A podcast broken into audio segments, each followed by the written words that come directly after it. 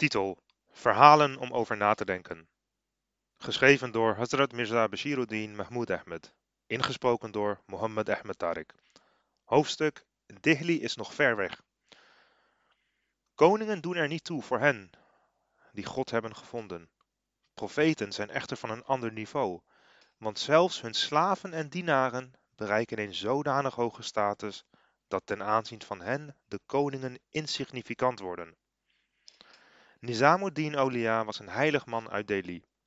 Hij was een wijsgeer en verspreidde verlichting door heel India. In die tijd was het een koning van de Tughlaq die regeerde. Nizamuddin Aulia deed iets wat de koning niet beviel. De koning wilde net op reis gaan en zei dat hij Nizamuddin Aulia zou straffen zodra hij terug was van zijn reis. De volgelingen van Nizamuddin Aulia waren bezorgd toen zij dit hoorden en werden nog angstiger toen zij hoorden dat de koning onderweg terug was naar Delhi. De volgelingen stelden voor om een compromis te sluiten voordat de koning zou arriveren in Delhi. Nizamuddin Aulia antwoordde: Alles is in handen van God. Ik kan niet veel doen. God zal handelen zoals hij juist acht. De koning naderde Delhi en de volgelingen maakten zich nu echt zorgen. Ze zeiden tegen Nizamuddin Aulia dat de koning er bijna was. Hij antwoordde hierop: Jullie moeten je geen zorgen maken. Delhi is nog ver weg. De zon kwam op en de volgelingen maakten zich ernstige zorgen over de toorn van de koning zodra hij Delhi zou binnenkomen. Maar plotseling kwam er nieuws binnen dat de koning was overleden bij een ongeluk. Dus niet de koning, maar zijn lijk arriveerde in de stad. Derhalve weegt het koningschap niet op tegen de liefde van Allah. Alleen zij die een relatie onderhouden met de Almachtige vinden geluk. Hoofdstuk Eer Ik herinner me dat we vroeger een standbeeld hadden, gemaakt van klei, waar wij op klommen om te spelen. We moesten de trap nemen die vlakbij het huis stond, van wijlen Mirza Sultan Ahmed. Mijn tante, die later Ahmadi werd, zei altijd Jehojeaka Koko. Dit is een gezegde in het Punjabi, een taal die ik niet verstond als kind zijnde. Mijn moeder sprak Urdu en verstond ook geen Punjabi. Ik vroeg aan haar wat dit gezegde betekende. Zij zei: Het betekent dat de babykraai net als de kraai is. Jouw vader is hier de kraai en jij bent de babykraai. Er kwam ook een tijd toen dezelfde tante mij behandelde met groot respect toen ik bij haar op bezoek ging. Ze legde een kussen voor mij neer om op te gaan zitten. Haar handelingen waren uit eerbied. Toen ik tegen haar zei dat ze zich niet te veel moest inspannen vanwege haar hoge leeftijd, antwoordde zij: Jij bent mijn wijsgeer. Kijkend naar deze gebeurtenissen dienen wij ons te realiseren dat als God de wereld wil veranderen, hij zelf een transformatie teweeg brengt. Breng daarom een verandering in uzelf, zodat u de geliefde van God wordt en in de cirkel van God terechtkomt. Hoofdstuk Het debat. Hazrat Hakim Molana Nuruddin ta'ala anhu zei altijd dat hij een leraar had genaamd Molvi Rahmatullah, die op latere leeftijd naar Medina verhuisde. Molvi Rahmatullah was erg vroom en zeer toegewijd, maar bezat geen kennis van het christendom. Op een dag zou hij debatteren met een aantal christenen. Zijn tegenstanders waren intellectueel met uitgebreide kennis en Molvi Rahmatullah zelf kende alleen de heilige Koran en de hadith. Hoe wijs en intelligent hij ook was, zei hij toch, als ik beredeneer vanuit de Koran en de hadith, zal mijn tegenstander zeggen dat hij hier niet in gelooft. Mijn argumenten en onderbouwingen moeten ook aanvaardbaar zijn voor mijn tegenstanders, maar ik heb niets. Hij zei uiteindelijk: Waarom zou ik hulp zoeken bij mensen in plaats van bij God? Laten we bidden tot God, aangezien we niet veel keuze hebben. Hij begon toen te bidden. Omstreeks elf uur in de avond klopte er iemand aan de deur. Molvi Rehmatullah deed de deur open, waarna een man in een gewaad binnenkwam. Meteen na binnenkomst zei de man: U debatteert morgen met de priester. Ik ben ook een priester, maar ik ben een priester die gelooft in de eenheid van God. Ik ben het volkomen met u eens. Daarom wil ik dat u een aantal referenties noteert, want het is heel goed mogelijk dat u nog niet bekend bent met deze referenties. Hierop begon de mysterieuze priester de verwijzingen te dicteren. De volgende dag, toen het debat plaatsvond, stond de opponent van Molwi Rahmatullah versteld. Niet alleen reciteerde Molwi Rahmatullah Griekse en Hebreeuwse boeken, maar hij presenteerde ook Engelse extracten. Hij citeerde de eenheid van God vanuit de Bijbel. Molwi Rahmatullah debatteerde uitstekend en was een overduidelijke winnaar van het debat. Dezelfde vreemdeling die eerder was langs geweest, kwam vanaf dat moment iedere avond langs en dicteerde diverse citaten aan Molwi Rahmatullah en hij presenteerde ze de volgende dag tijdens een debat. Als een persoon vastberaden is in goede daad te verrichten, beweegt Allah zelf de harten van de mensen, waarop mensen vanzelf hun steun en hulp aanbieden. Hoofdstuk De wens van de oude vrouw. De heilige Koran is de grootste rijkdom. Hoe kan een ware moslim zijn huis, een thuis beschouwen zonder deze rijkdom? Hazrat Hakim Molana Nuruddin Raziallahu anhu vertelde over een oude vrome vrouw die hij van tijd tot tijd bezocht. Hij zei een keer tegen haar: Lieve oude vrouw, vertel me als u iets nodig hebt en ik zal het voor u halen. De vrouw antwoordde: Nee, kind, ik ben van alles voorzien. Ik heb niets nodig. Hazrat Hakim Molana Nuruddin anhu drong aan. Er moet toch wel iets zijn wat u nodig hebt? Maar de oude vrouw antwoordde wederom dat ze erg comfortabel was thuis en dat ze van alle gemakken was voorzien. Uiteindelijk lichtte ze haar antwoord toe. We zijn met z'n tweeën, moeder en zoon. Allah geeft ons iedere dag twee sneetjes brood, één voor mij en één voor mijn zoon. We hebben een bed en daar slapen we samen op, omdat we maar één dekbed hebben. Als één van ons het koud krijgt, wisselen we van zijde. Hazrat Hakim Molana Nuruddin Raziallahu anhu stond erop dat de oude vrouw antwoord gaf. Uiteindelijk zei ze: Door mijn hoge leeftijd zijn mijn ogen verslechterd. Ik kan de heilige Koran niet goed meer lezen omdat de tekst zo klein is geschreven. Als u mij iets wil geven, geef me dan een exemplaar van de heilige Koran dat iets groter is geschreven, zodat ik het gemakkelijk kan lezen. Voor een gelovige is de heilige Koran de allergrootste gunst. Hoofdstuk 1 Klop op de deur. Een ware vriend is hij, die wanneer nodig alles opoffert voor zijn vrienden en geliefden. Denk eens aan een geliefde en een vriend die niet alleen dat is, maar ook de schepper, meester en heerser is. Er was eens een jonge man die de gewoonte had het geld van zijn vader te verkwisten aan zijn vrienden. Hij verspilde continu geld aan hen. Zijn vader zei een keer: Dit zijn jongens die je een vleiend gevoel geven, maar zij houden niet werkelijk van je. Verspil je rijkdom niet aan hen. De jonge man reageerde laconiek en negeerde het advies van zijn vader. Het zijn wel mijn ware vrienden, zei hij. Op een dag vroeg de vader retorisch: Hoe kan het dat jij in de korte tijd zoveel vrienden hebt gemaakt, terwijl ik maar één goede vriend heb? Hoe kan het dat jij altijd een grote groep vrienden bij je hebt? De jonge man negeerde het advies van zijn vader. Na een geruime tijd zei de vader: Als je mij niet gelooft, stel je vrienden dan op proef. Alleen dan kom je te weten hoeveel echte vrienden je hebt. Hoe? vroeg de zoon. De vader legde het plan als volgt uit: Ga naar je vrienden toe, naar iedere vriend afzonderlijk. Zeg hen dat je vader je uit huis heeft gezet en de toegang tot zijn fortuin heeft ontzegd. Vraag vervolgens of ze je wat geld kunnen lenen voor een slaapplek en voor voedsel. Toen de jonge man de volgende dag naar zijn vrienden ging om te doen wat zijn vader hem had gezegd, stuurde een van zijn vrienden een bericht dat hij ziek was en hem niet kon ontmoeten. De andere vrienden gaven aan geen geld te hebben omdat ze het toevallig aan een ander hadden uitgeleend. De jonge man keerde met lege handen terug naar zijn vader en zodoende bleek dat zijn vader al die tijd gelijk had. De vader beval zijn zoon om mee te gaan naar het bos, opdat hij daar zijn vriend kon laten zien aan zijn zoon.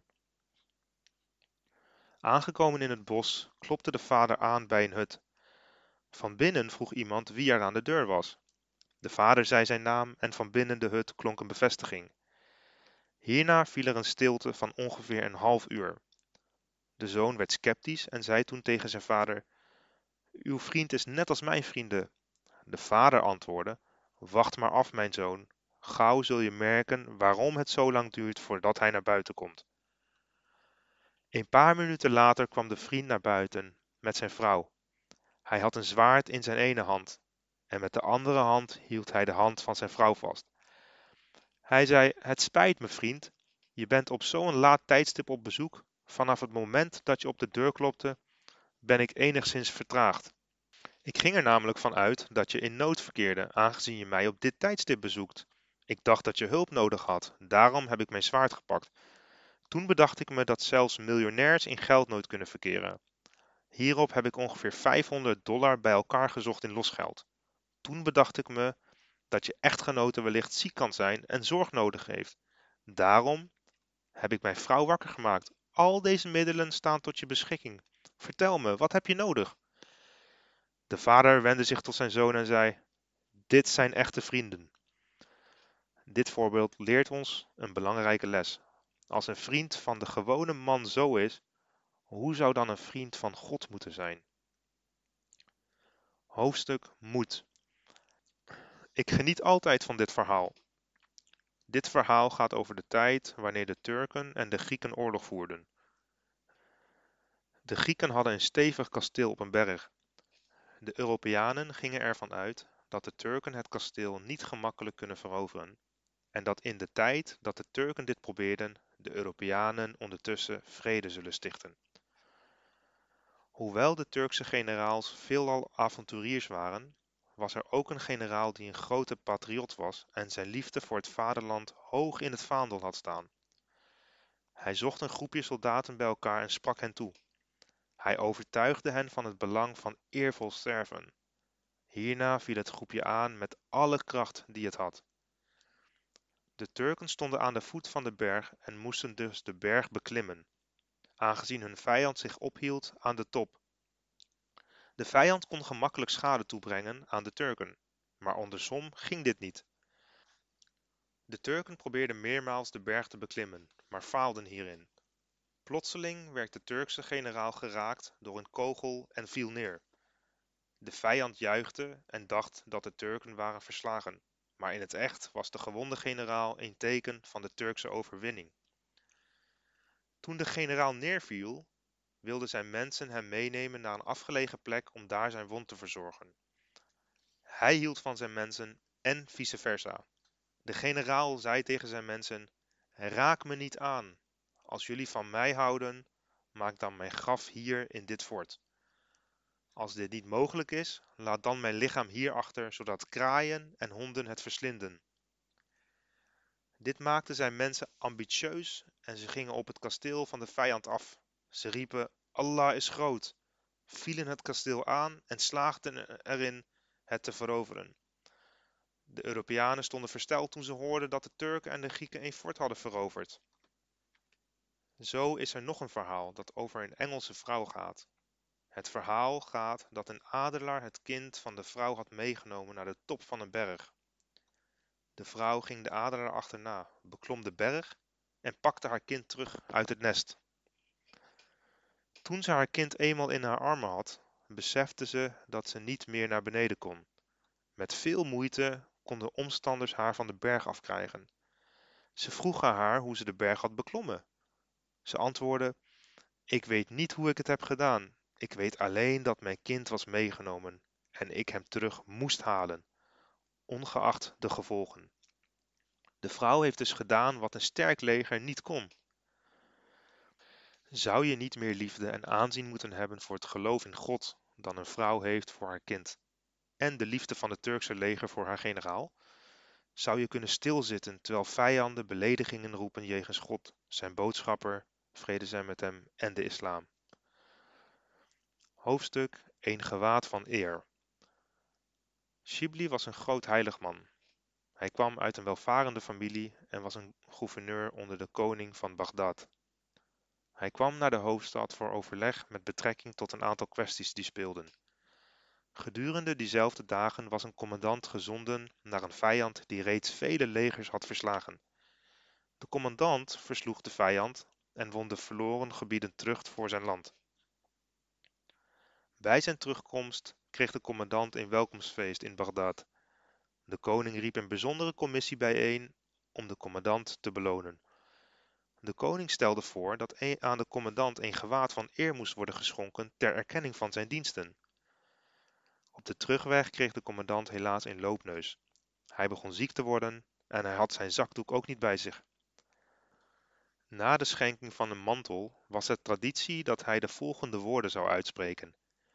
Ik ben u dankbaar dat u mij genade en vrijgevigheid hebt getoond, en mijn generaties zullen u dienen, dankzij deze vier lappen doek. Terwijl de commandant zich klaarmaakte voor zijn toespraak, moest hij plotseling niezen en kreeg hij een loopneus. Als hij had gesproken met een loopneus, zou hij zijn gedood.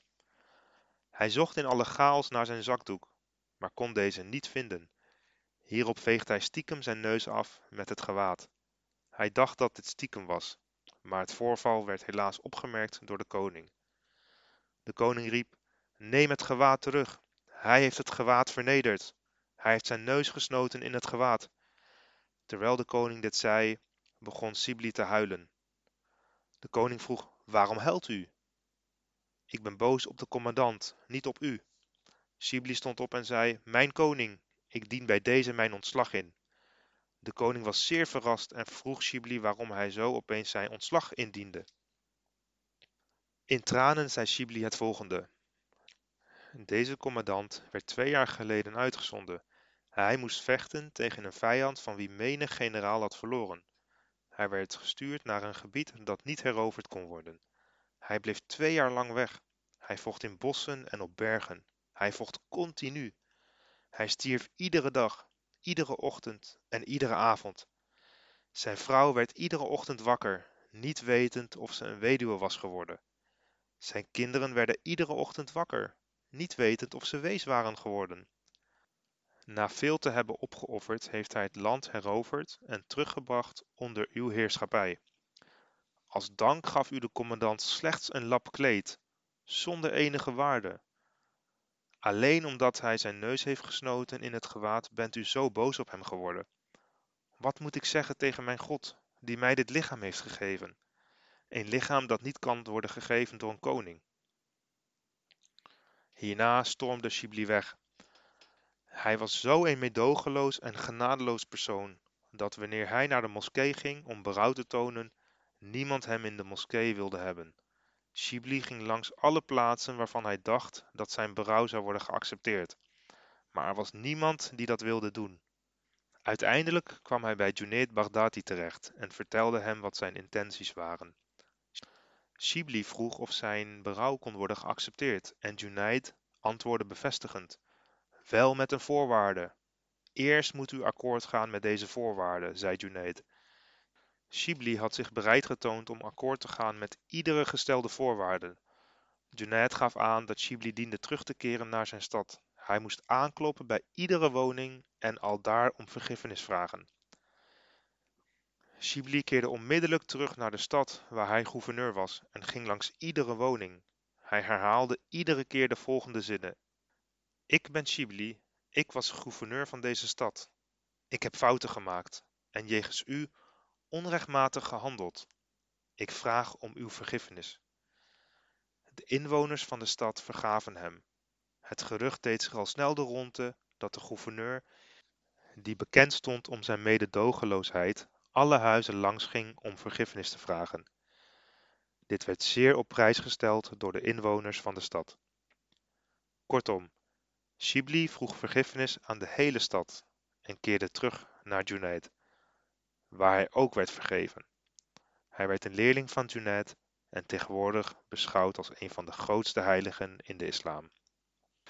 Hoofdstuk De Poortwachter Tolstoj was een grote schrijver uit Rusland. Hij had een sleutelrol in het propageren van bolsjewisme na Lenin en Marx. Zijn werk is vertaald naar de meest gesproken talen in de wereld. Zeven of acht generaties terug was een van zijn grootvaders de poortwachter in de regeerperiode van koning Peter. Op een dag was de koning bezig met iets belangrijks. Hij maakte een plan waardoor zijn volk erop vooruit zou gaan. Hij beval Tolstoj om niemand binnen te laten.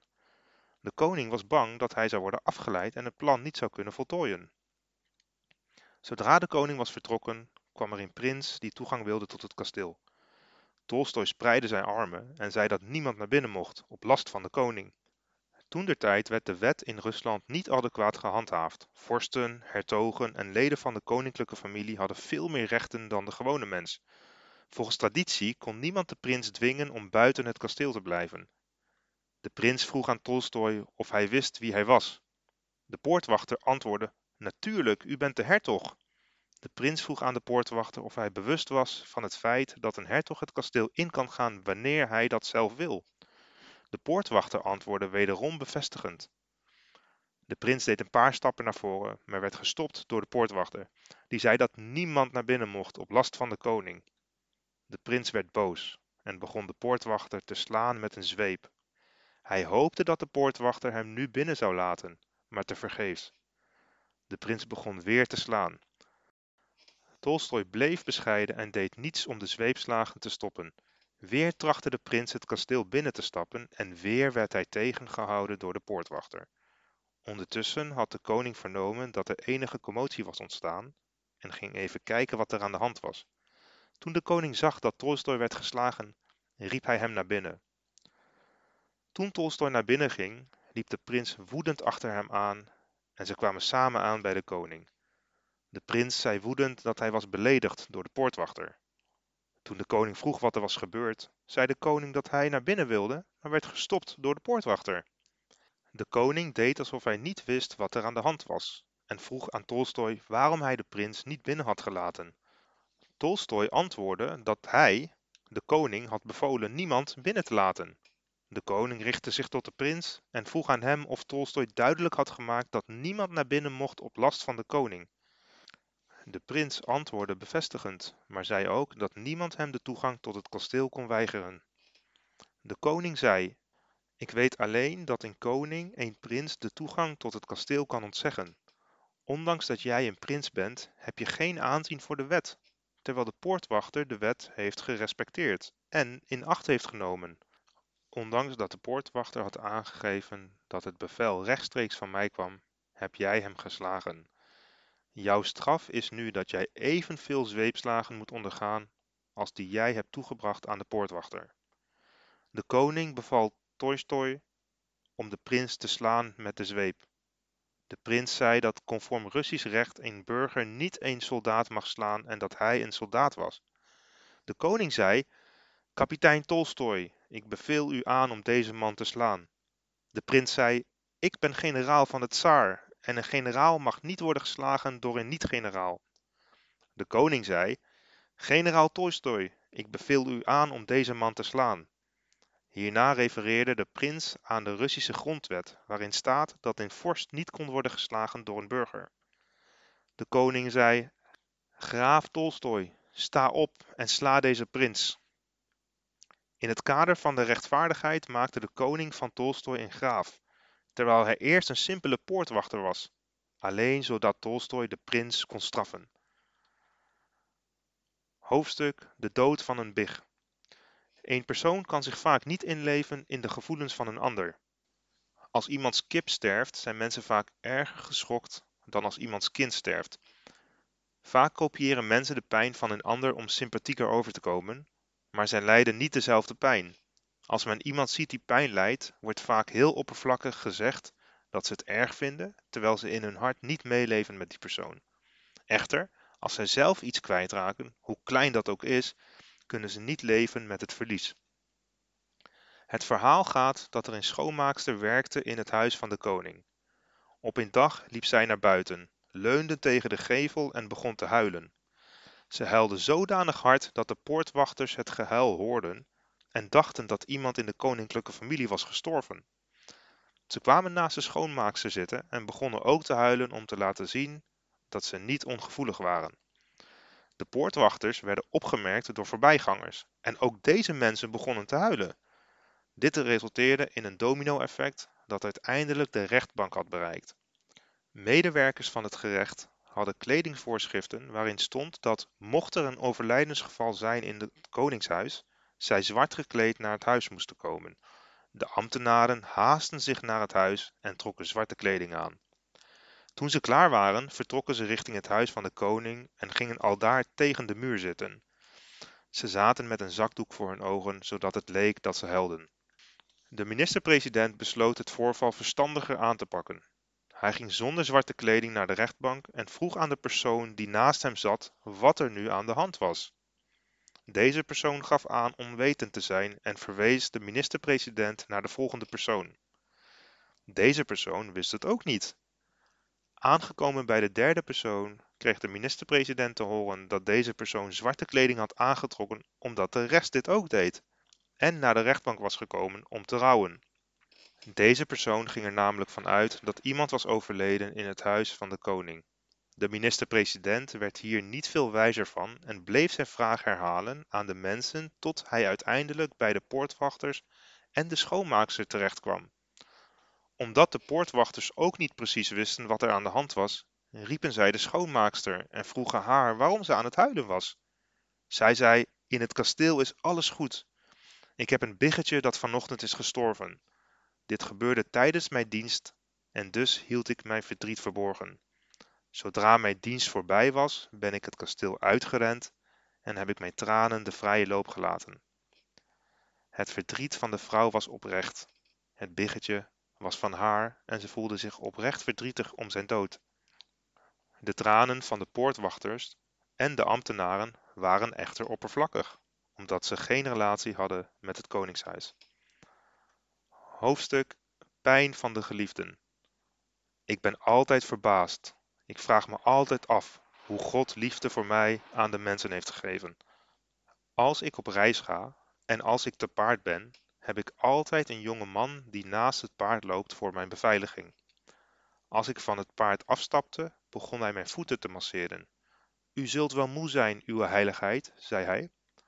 Ik realiseerde me dat het niet tot hem doordrong dat ik op een paard zat en dat hij aan het lopen was. Hij zou juist uitgeput moeten zijn. Zijn liefde voor mij deed hem dit niet beseffen. Ondanks dat ik aangaf niet moe te zijn, masseerde hij mijn voeten. Laat ik mezelf nuttig maken door u te dienen, uw heiligheid, zei hij. Ware liefde zorgt ervoor dat men de eigen problemen vergeet en zich alleen maar gaat bekommeren om zijn geliefde. Ongelovigen hadden een metgezel van de heilige profeet Mohammed vrede zij met hem gevangen genomen door bedrog. De metgezel had in Mekkaan vermoord en werd daarom overgedragen aan het volk van Mekka. Het volk wilde de metgezel vermoorden ter vergelding. Hij werd enige tijd afgezonderd vastgehouden en na een aantal dagen besloten ze om hem te vermoorden. Toen het tijd was om de metgezel te vermoorden, zagen de Mekkanen dat hij helemaal niet bang was. Ze vroegen hem of hij niet liever zou zien dat Mohammed vrede zij met hem in zijn plaats zou sterven. De metgezel antwoordde ontkennend. Hij gaf aan dat hij niet eens wilde dat de heilige profeet Mohammed vrede zij met hem zou worden gestoken door een doorn in de straten van Medina. We zien dus dat de metgezel zijn eigen pijn even vergat, maar door zijn liefde voor de heilige profeet Mohammed vrede zij met hem, kon hij zelfs de gedachten dat de heilige profeet Mohammed vrede zij met hem pijn zou lijden niet verdragen. Hoofdstuk Eid. De Almachtige God heeft ons bevolen om te eten op Eid en de heilige profeet Mohammed vrede zij met hem heeft mensen die vasten op Eid gelijkgesteld aan Satan. Eid is namelijk de dag waarop God tegen zijn dienaar zegt Eet en drink voor mij vandaag. Eten op deze dag is derhalve onderdeel van het geloof. Hoe mooi is dit geloof, waarin simpel genot wordt omgezet in aanbidding. Een profeet van het hindoeïsme heeft een soortgelijke uitspraak gedaan, waardoor een misverstand ontstond onder de hindoe-priesters. De islam geeft een gedetailleerde uitleg hieromtrent, maar de oudere religies waren afhankelijk van aanwijzingen. Het voeden van een brahman wordt als een zegening gezien door hindoes. Gedurende de dagen van de Sarat, een festival waarbij hindoes eten geven aan hun priesters, worden de priesters goed gevoed. Als een priester meer eet dan gewoonlijk, wordt hij hiervoor beloond. Het begint met een roepie voor iedere lerdu, een soort toetje. Hierna stijgt het bedrag naar 2, soms wel 3 roepies voor iedere laddu. De priesters beginnen vaak maanden van tevoren met oefenen, dat wil zeggen dat ze veel gaan eten in de maanden voor Sarat. Een familie waarin veel sterftegevallen voorkomen vanwege te veel eten, wordt juist meer gerespecteerd. Dit verhaal gaat over een Bahamaanse vrouw die tegen haar schoondochter zei: Je echtgenoot en schoonvader zullen spoedig terugkeren van Sarat. Ze zullen niet kunnen zitten, dus maak hun bed op, zodat zij direct bij thuiskomst kunnen gaan liggen. De schoondochter bad: O God, breng ellende naar mijn vader, opdat hij mij heeft vernederd. De vrouw poogde haar schoondochter tot bedaren te brengen en uit te zoeken waarom ze zo aan het huilen was. De vrouw vroeg aan haar schoondochter wat ze had gedaan om haar zo van streek te maken, maar er kwam geen antwoord. Ze bleef maar huilen en de buren kwamen ook kijken wat er aan de hand was. Na gesmeek van haar schoonmoeder en de buren zei ze: Mijn lot is vernietigd. Ik ben getrouwd in een familie waarvan de mensen rustig naar huis lopen nadat ze zich hebben volgepropt tijdens Sarat, terwijl mijn mensen niet eens kunnen lopen nadat zij gegeten hebben en op een veldbed naar huis gedragen moeten worden. Ondanks dat Sarat is verlaagd naar het niveau dat mensen zich volproppen met eten, komt dit festival uit dezelfde hoek als Eid. Het doel van Eid en Sarat was ooit hetzelfde, maar door verkeerde interpretaties is dit festival veranderd in een vreemde traditie. Het was immers God die zei dat u moet eten op deze dag. Eet voor God, werd er gezegd. Echter, de moela's hebben de betekenis van eat verpest. Tegenwoordig eten mensen zich net niet dood. Ze eten zoveel dat ze in sommige gevallen maag- en darmklachten ontwikkelen. Ook hebben de hindoepriesters de ware betekenis van sarat verkeerd begrepen. Hoofdstuk Het geschenk. God weet hoe hij voor zijn mensen moet zorgen. Sommige mensen haalt hij naar zich toe, over een pad vol doorns, en andere mensen lopen over bloemen. Als God iemand middels vasten zijn nabijheid wil schenken, dan is in zo'n situatie vasten een deugdzaamheid. Als God iemand wil fascineren middels feesten, dan is eten de deugd waarmee men God zijn voldoening verkrijgt. De heilige profeet Mohammed kwam een keer in bezit van een aanzienlijk fortuin.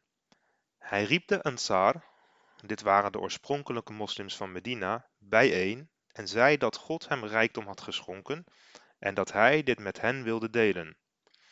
Een van de Ansar zei toen: O boodschapper van God, geef wat u hebt gekregen aan de Muhajirun, de moslimmigranten in Medina. Wij bezitten reeds voldoende. Het lijkt er natuurlijk op dat de Ansar geld en rijkdom hebben geofferd voor de Muhajirun. Dit was echter geen offer in de ogen van Allah. De heilige profeet, vrede zij met hem, antwoordde op de stelling van de Ansar het volgende: Ik wilde jullie een geldbedrag schenken namens God, maar jullie hebben geweigerd. In deze wereld krijgen jullie helemaal geen rijkdom in materiële vorm meer. Jullie kunnen je beloning opeisen in het hiernamaals, bij de fontein van Kother. Opvallend is dat ruim 1300 jaar nadat de heilige profeet Mohammed vrede zij met hem het voornoemde had gezegd, geen van de Ansar heeft geregeerd in het koninkrijk van de moslims. Gedurende deze perioden werden Muhajirun de koning, slaven werden koning en zelfs knechten werden koning. Dankzij de islam werden Rajputs, Mughals en Pathan, de Iraniërs en de Trilupianen koning, maar niet de Ansars. Mensen die hun huizen hadden vrijgemaakt voor hen die geloofden in God en zijn boodschapper, kregen geen koninkrijk. Het was niet zo dat deze mensen geen honger leden voor Allah, maar ze aten niet omwille van God. De Ansars waren ongetwijfeld niet bewust van hetgeen ze hadden geweigerd. Zij deden dit onbewust en niet uit arrogantie. Daarom beloofde God hen dat zij in het hiernamaals hun beloning konden innen bij de fontein van Kother. Maar in deze wereld hebben zij geen heerschappij gehad. Hoofdstuk Opoffering. Wanneer een inspanning wordt gedaan voor de gemeenschap, is het niet noodzakelijk dat het offer van een persoon vruchten afwerpt gedurende zijn leven. Veel mensen brengen offers zonder het zien van directe resultaten en anderen brengen offers en zien direct resultaat. De resultaten van gemeenschappelijke offers moeten niet beoordeeld worden op individueel niveau. De volken die deze les leren, treffen geluk op geluk. Maar de naties die deze les vergeten, slagen nooit in hun doelstellingen. In het begin van de oorlog tussen Duitsland en Engeland las ik in de kranten dat het enig kind van een 80-jarige vrouw was gesneuveld in de oorlog. De vrouw was een bekende in de samenleving en had een goed gestalte, dus besloot de overheid om haar te troosten. Ze ontving een brief van de minister van Oorlog met een uitnodiging om bij hem op bezoek te komen. Besloten werd dat de minister van Oorlog de vrouw zelf zou vereren en het nieuws omtrent haar zoon zelf zou overbrengen. De vrouw kwam langs op het ministerie en de minister bedankte haar namens de koning. Hij zei: U heeft het hoogst mogelijke geofferd voor uw land. Helaas, uw zoon is gesneuveld in de oorlog. De vrouw was verdrietig en begon te trillen. Ze kon nauwelijks blijven staan en zakte bijna door haar knieën. Maar om te laten zien dat de dood van haar zoon haar niets deed, lachte ze op hysterische, doch neppe manier. Nou en? Mijn zoon is gestorven voor de natie en zijn land, zei ze. Ondanks dat de waarnemer van dit voorval een Duitse vijand was, schreef hij dat hij enkele tranen liet lopen bij het zien van de vrouw. Bedenk dat haar verdriet zo groot is dat ze nauwelijks kan blijven staan, maar zich voor de waarnemer grootmoedig deed lijken. Dit zijn de mensen aan wie geen beloning is toegezegd in het hiernamaals. Zij geloven niet in een leven na de dood. Ze leven en trachten anderen te overtuigen dat er geen leven is na de dood. Ze brengen offers, maar krijgen niets terug. Toch brengen zij offers als het nodig is, zonder erbij na te denken. Ze vragen zich niet af of hun offer haar vruchten zal afwerpen, of dat zij iets terug zullen krijgen voor hun offer. Ze weten dat het offer in landsbelang nodig is. Men dient niet terug te kijken op zijn opoffering en zich af te vragen of het offer wel enig nut heeft gehad. Nog moet men zich afvragen of hij in zijn leven iets terugkrijgt voor zijn offer. Wij moeten vanuit het perspectief van Ahmadiyyat beredeneren, namelijk dat als wij geen vruchten plukken van ons offer, maar ons land wel, dan is het alsof wij zelf deze vruchten hebben geplukt.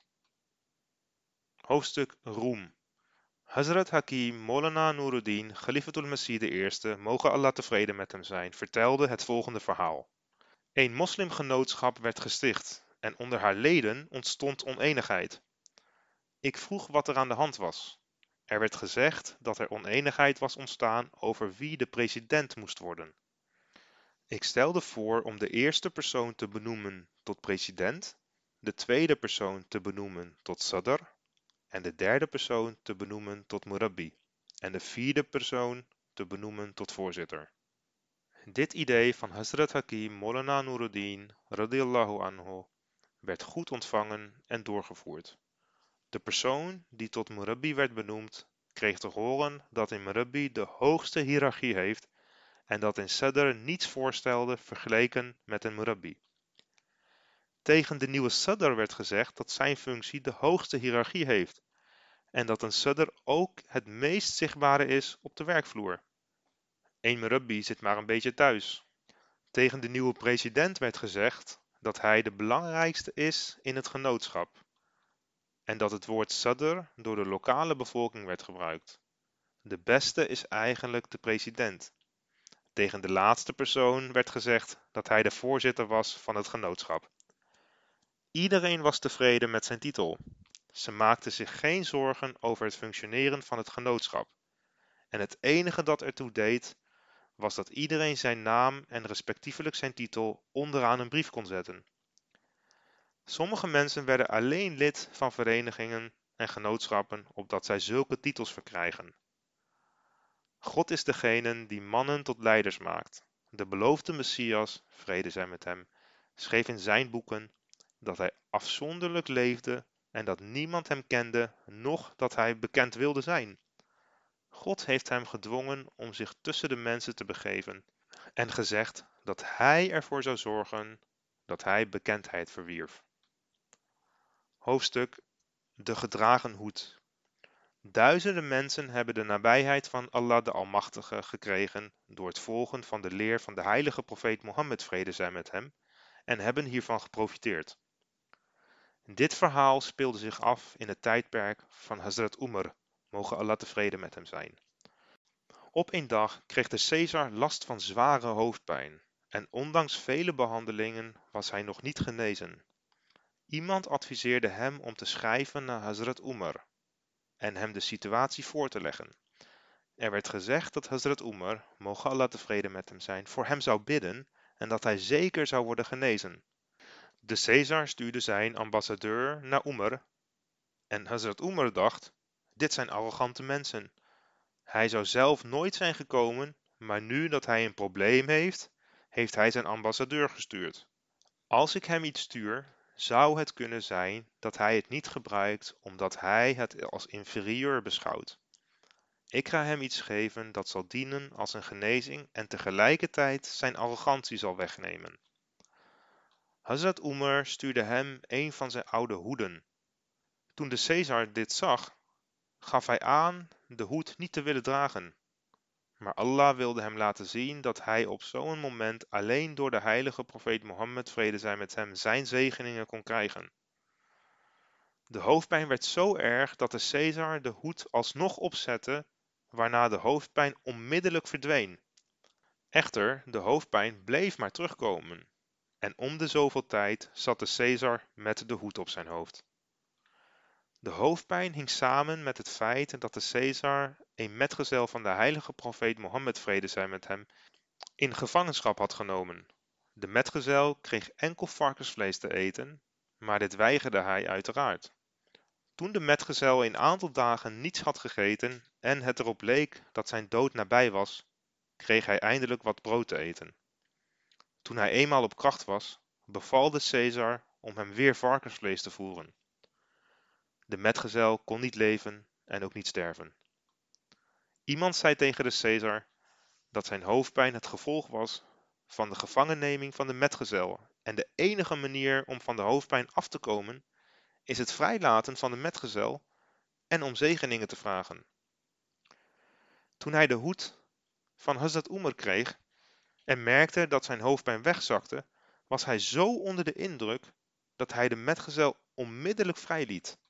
Nu moet men zien dat toen de Caesar een metgezel pijn deed, Allah hem hoofdpijn gaf ter vergelding. Niemand anders adviseert de Caesar om zegeningen te vragen aan Hazrat Umar, die vervolgens een hoed stuurt en de hoofdpijn weggaat. Op deze manier heeft Allah de Almachtige gezorgd dat de metgezel van de heilige profeet Mohammed, vrede zij met hem, vrij werd gelaten. Hoofdstuk De Prins er zijn twee soorten genoegens: persoonlijke en geërfde.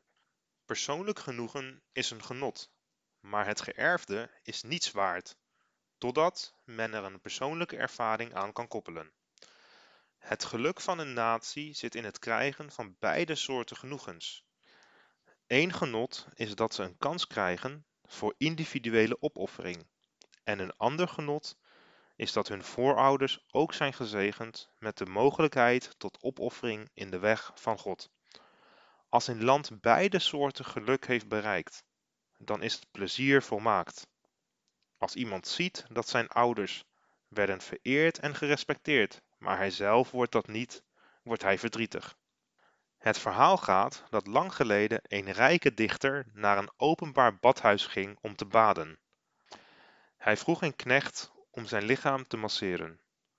Nadat de dichter zich had uitgekleed, ging hij in het bubbelbad zitten.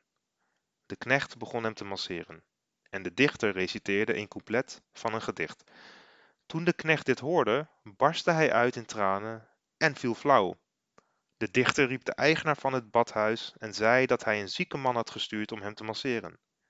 De eigenaar bood zijn verontschuldigingen aan en zei dat hij niets afwist van een eventuele ziekte de knecht werd wakker gemaakt en aan hem werd gevraagd of hij wel eens een epileptische aanval had gehad. De knecht vroeg aan de dichter waar hij het gedicht had gehoord dat hij zojuist reciteerde. De dichter zei dat het gedicht van hem was. De dichter vertelde: Ik hou van dit gedicht, want ik was vroeger heel arm. Op een dag kwam ik erachter dat Fadel Barmaki een zoon had gekregen.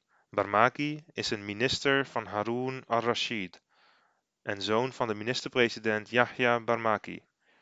Dichters werden uitgenodigd om deel te nemen aan een soort wedstrijd, wat inhield dat dichters een kort gedicht moesten schrijven.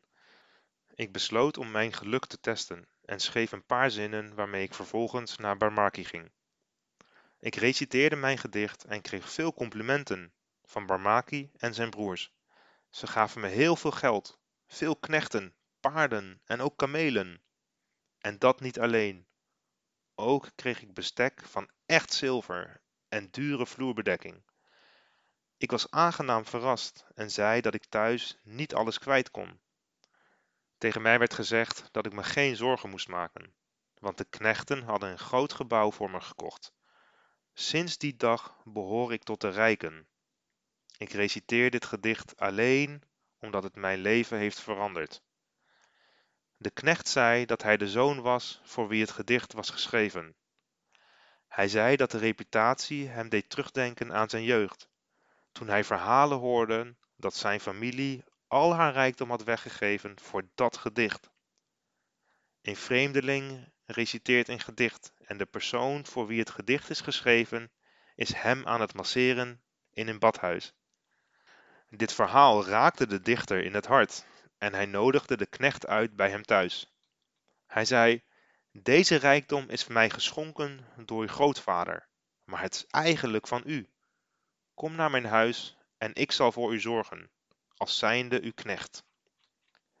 De jongen antwoordde: Ik heb al genoeg vernedering meegemaakt in mijn leven. Ik wil niet nog meer worden vernederd door het geld te gebruiken dat door mijn voorouders aan u is geschonken. Mijn geheim is nu openbaar en daarom kan ik hier niet meer blijven leven. Ik zal vertrekken naar een andere plek waar niemand mij noch mijn voorouders kent. De jongen vertrok en sindsdien heeft niemand iets van hem vernomen. Dit is een voorbeeld van eerbied van voorouders, waar het nageslacht haar aandeel in verloor. De kinderen konden niet profiteren van dit eerbied. Het werd een bron van verdriet voor de kinderen. Hoofdstuk De viool. Een goddelijke zag de knecht van een koning viool spelen. Hij greep de viool van achteren en brak deze in twee stukken. De knecht deed zijn beklag bij de koning. Vandaag heeft hij mijn viool gebroken, morgen vernedert hij u of uw ministers. De koning werd boos en riep de goddelijke bij zich. De koning zat klaar met een viool naast hem. Toen de goddelijke het kasteel inkwam, pakte de koning de viool en begon die te bespelen. De goddelijke zei niets, maar keek wel geërgerd. De koning vroeg aan de goddelijke waarom hij zijn viool niet brak, aangezien hij de dag ervoor de viool van zijn knecht had kapotgemaakt. De goddelijke zei: Machtige koning, de heilige profeet, vrede zij met hem, heeft gezegd: Als u iets slecht ziet en u hebt de kracht om het te verbeteren, gebruik die kracht dan om verandering teweeg te brengen. Als u geen fysieke kracht heeft, probeer dan mondeling. En als zelfs dat niet lukt, probeer uzelf dan minstens slecht te voelen over het voorval. Gisteren kon ik het kwaad tegenhouden middels fysieke kracht. Dus heb ik dat gedaan door de viool van uw knecht te breken. Vandaag bezit ik echter niet de fysieke kracht, noch durf ik het mondeling te doen, maar ik voel me er wel slecht over. Ik herinner me dat een Amerikaanse dichter een interessant onderwerp beschreef in haar gedichten. Ze zei dat na haar dood, als zij bij God is, de rijken tegen God zullen zeggen dat ze diamanten en parels hebben gegeven aan goede doelen. De ambtenaren zullen zeggen dat ze hun land hebben gediend. Ze zei: Ik heb geen van deze dingen gedaan, omdat ik niet de capaciteit had dit te doen. Ik heb enkel tranen gestort uit liefde voor God, en deze tranen zullen naast zijn troon liggen. Dat zal mijn cadeau zijn aan Hem, en Hij zal boven alles mijn tranen accepteren. Op dezelfde manier kan een moslim tranen storten aan de troon van de Almachtige. Als moslims dit kunnen doen, is dit hun ware Eid. Anders is Eid niet de echte Eid. Hoofdstuk Het vasten. Als mensen Eid ul-Fitr vieren, gaan ze ervan uit dat hun vasten is geaccepteerd. Ze zijn blij dat God hen de kans heeft gegeven om Hem op deze manier te aanbidden. De vraag is echter of God ook waarlijk deze kans heeft gegeven en of Hij echt ons vasten heeft geaccepteerd. Hoe weten we zeker of onze aanbidding door Hem is geaccepteerd? Sommige van onze gebeden worden immers ook niet geaccepteerd. Zo wordt ook het vasten van sommige mensen niet geaccepteerd. Er zijn mensen die niet kunnen vasten vanwege ziekte of vanwege andere beperkingen. Er zijn ook mensen die niet vasten, ondanks dat ze geen beperking hebben. Al deze mensen vieren Eid. Mensen uit de laatste groep vieren vaker enthousiaster Eid. Er is een bekend verhaal in ons land. Een vrouwelijke knecht werd in de ochtend wakker om te vasten, maar verbrak het vasten ergens gedurende de dag. Op een dag zei haar meesteres: Je wordt vroeg wakker om te eten, voor zonsopkomst, maar je vast nooit de gehele dag en breekt het vasten gedurende de dag. De knecht antwoordde: Ik bid niet en ik vast ook niet. Moet ik nu ook nog een ongelovige worden door niet te eten voor zonsopkomst? Het lijkt erop dat dit voor haar de drie pilaren waren van haar geloof, van de islam: gebed, vasten en eten voor zonsopkomst tijdens de Ramadan. Volgens haar blijft een persoon moslim als hij niet bidt en niet vast. Maar als er niet gegeten wordt voor zonsopkomst, maakt dit van een mens een ongelovige. Dit is weliswaar bedoeld als een grap, maar als we erover nadenken, zien we dat heel veel mensen niet bidden en niet vasten, maar toch de Eid vieren. Hoofdstuk Duitse preek. Er was een meisje in Frankrijk dat aanvallen kreeg. Tijdens deze aanvallen reciteerde ze gebeden in het Duits. Het meisje was Frans en beheerste de Duitse taal niet. Medici stelden de diagnose dat ze was bezeten door een geest. Een arts hoorde van deze zaak en raakte hierin geïnteresseerd. Hij was een neuroloog gespecialiseerd in het geheugen. Hij begon zijn zoektocht naar een oorzaak en kwam al snel te weten dat de moeder van het meisje voor een Duitse priester werkte. Het meisje was toen twee à drie jaar oud. Het meisje zou in de wieg hebben gelegen terwijl de priester zijn preek gaf in het Duits. De arts vertrok naar Duitsland om de priester te vinden. Aangekomen in Duitsland kwam hij erachter dat de priester wellicht in Spanje zat. In Spanje kwam hij erachter dat de priester met pensioen was en terug was gegaan naar Duitsland. Aldaar kreeg de arts te horen dat de priester inmiddels was overleden. De arts staakte zijn zoektocht niet en zocht de familie van de priester op. Hij vroeg hen om alle documenten en papieren van de priester. Toen de arts de documenten doornam, kwam hij hetzelfde gebed tegen dat het meisje reciteerde tijdens haar aanval. We zien hier dat de paar woorden van het gebed zijn opgeslagen in het geheugen van het meisje door Allah de Almachtige. Dit is ook de reden dat de heilige profeet Mohammed vrede zij met hem heeft gezegd dat als een kind wordt geboren in een huis van een moslim, de ouders onmiddellijk het gebed in het oor moeten fluisteren. Europese geleerden hebben ontdekt dat oude informatie lang blijft opgeslagen in de hersenen, terwijl de heilige profeet, vrede zij met hem, dit reeds 1400 jaar geleden al heeft verteld. Hoofdstuk De nietsnutten. De gewoonte om niets te doen zorgt voor problemen. Voorbeelden van inactiviteit in verschillende landen geeft het karakter van dat land weer. Het volgende verhaal is hieromtrent. Een politieagent liep over straat en hoorde opeens iemand roepen: Politie, kom even hier, schiet op. Er moet een belangrijke klus worden geklaard. De politieagent ging naar een belangrijke afspraak en het geroep kwam ongeveer 60 meter bij hem vandaan. De agent ging er naartoe en zag dat twee mannen op de grond lagen. Een van hen zei: Pak alsjeblieft de bes van mijn borst en doe die in mijn mond. De agent werd woedend en zei: Jullie zijn gek. Ik was onderweg naar een belangrijke afspraak en jij roept me helemaal hier naartoe voor dit? Je handen werken prima en je hebt verder geen beperkingen. Het slaat nergens op dat je me van zo ver roept om je te helpen met zoiets. De andere man luisterde mee en zei tegen de politieagent: Waarom bent u hier zo boos over? Deze persoon is gewoon nutteloos en er is niets dat we kunnen doen om dat te veranderen. Afgelopen nacht heeft een hond de hele nacht mijn gezicht gelikt en deze man is zo lui dat hij de hond niet eens heeft weggejaagd. In dit voorbeeld is een geval van luiheid aangetoond in een Indiaas subcontinent. Dit soort mensen zijn ongetwijfeld aanwezig in ieder land, maar zij die actief zijn, zijn ook lui. Ik heb aangegeven dat bouwvakkers die stenen verplaatsen de stenen behandelen als eieren. De mannen zijn heel kalm als ze de stenen oppakken en neerleggen. Na een tijdje zeggen ze: laten we een pauze nemen om waterpijp te roken. Hoofdstuk De slijpschijf. Intellect en kennis zijn twee verschillende zaken. Veel kennis bezitten is goed, maar die kennis is waardeloos zonder enig intellect. Er was eens een koning die vroeg om de beste astroloog van zijn koninkrijk. Deze koning plaatste zijn zoon onder de voogdij van de astroloog, zodat hij de zoon kon scholen. Nadat de astroloog het kind alles had bijgebracht omtrent astrologie, gingen ze samen terug naar de koning. De astroloog zei: Uwe majesteit, ik heb het kind alles geleerd wat er te leren valt over astrologie. Als u wilt, kunt u een toets afnemen. De koning haalde de diamant van zijn ring af en verstopte die in een van zijn handen. Hij vroeg aan zijn zoon om zijn kennis van astrologie te gebruiken en aan te geven wat er in zijn hand zat.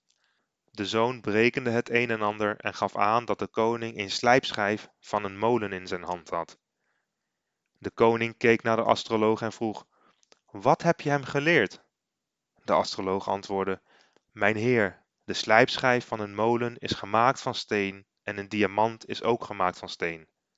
De kennis die ik heb overgedragen is correct, maar ik kan er niets aan doen dat uw zoon niet het intellect heeft om te beseffen dat een slijpschijf niet in uw hand zou passen. Het volgende verhaal is een grap die ik heb gehoord van Hazrat Molana Nuruddin, mogen Allah tevreden met hem zijn. De ouderen van een dorp stuurden een jongen naar een ander land om medicijnen te studeren. In het eigen dorp hadden ze namelijk geen geneeskundige. Ze wilden dat het kind ging studeren zodat hij bij terugkomst de mensen in zijn eigen dorp kon helpen.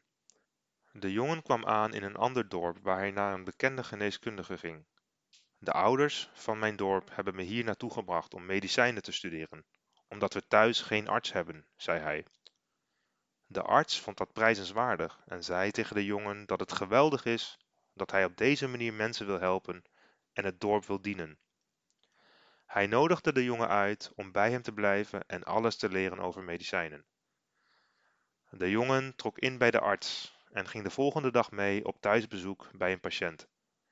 De arts controleerde de pols en deed andere algemene zaken. Gedurende de controle vroeg de arts aan de patiënt of hij toevallig bonen had gegeten. De patiënt antwoordde bevestigend, waarop de arts zei: Uw maag kan hardvoedsel niet verteren, daarom moet u oppassen met dit soort dingen. De arts geef een recept uit voor medicijnen en keerde samen met de jongen terug naar huis. Bij terugkomst vroeg de jongen toestemming om terug te gaan naar zijn eigen dorp. De arts reageerde verbaasd. Nu al? Maar je bent hier naartoe gekomen om medicijnen te studeren. Ik heb je nog geen lessen gegeven.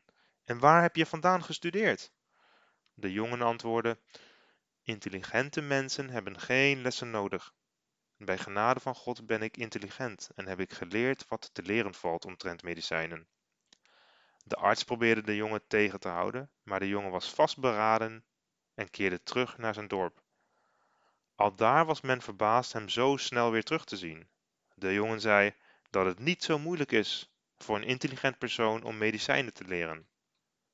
Een korte tijd later werd een rijke man erg ziek en de jongen werd geroepen om een diagnose te stellen. De jongen controleerde de pols en andere algemene zaken en uiteindelijk vroeg hij: U bent een rijke man. Hoe verteert u zulke dingen? Waarom hebt u paardenteugels gegeten? De patiënt was verbaasd en vroeg aan de jongen waarom hij zulke achterlijke vragen stelde. De jongen zei: Het maakt niet uit wat u denkt. U hebt paardenteugels gegeten en daarmee is het klaar. De knechten van de patiënt zagen dat de jongen vervelend deed en begonnen hem te slaan, maar de jongen week niet af van zijn diagnose. Uiteindelijk werd de jongen gevraagd om zijn diagnose toe te lichten. De jongen motiveerde zijn diagnose als volgt: De arts van wie ik geneeskunde heb geleerd verrichtte dezelfde stappen. Ik keek nauwkeurig naar de verrichte handelingen van de arts. Ik zag dat hij rondkeek in de kamer van de patiënt en onder zijn bed wat bonen vond. Hieruit trok hij de conclusie dat de patiënt bonen had gegeten en dat die bonen hem ziek hadden gemaakt. De patiënt gaf toe dat hij bonen had gegeten en ik begreep meteen dat je bij een patiënt altijd onder zijn bed moet kijken. Wat er ook onder het bed ligt, heeft de patiënt gegeten en dat heeft hem ziek gemaakt. Toen ik hier naartoe kwam, keek ik onder het bed en ik zag dat er paardenteugels lagen. Hieruit concludeerde ik dat de patiënt paardenteugels had gegeten en dat dit de reden was van zijn ziek worden. De jongen verwarde intelligentie met domheid. Hoofdstuk Wijsheid. Wat er ook in de hemelen en in de aarde is, verheerlijkt hem. Iedere atoom in de wereld is getuige van het feit dat er geen bezwaar bestaat tegen hetgeen hij doet. Hoewel sommige dingen in beginsel verwerpelijk kunnen lijken, is dit slechts een oppervlakkige kijk. Als men verder gaat kijken en onderzoeken, is te zien dat elke actie van Allah de Almachtige onberispelijk is en is gevuld met wijsheid. Het verhaal gaat dat een stevig persoon naar een boomgaard ging. Hij zag een mangoboom waaraan een mango hing, aan een stevige tak. Ook zag hij een pompoen hangen aan een dunne en fragiele tak. Hij dacht bij zichzelf: Ondanks dat mensen zeggen dat Allah de Almachtige wijs is, zie ik geen wijsheid in het hangen van een klein fruit aan een grote boom en het hangen van een grote zware pompoen aan een dun takje. Hierna ging hij liggen onder diezelfde boom en hij viel in slaap. Plotseling viel de mango op zijn hoofd en hij schrok wakker.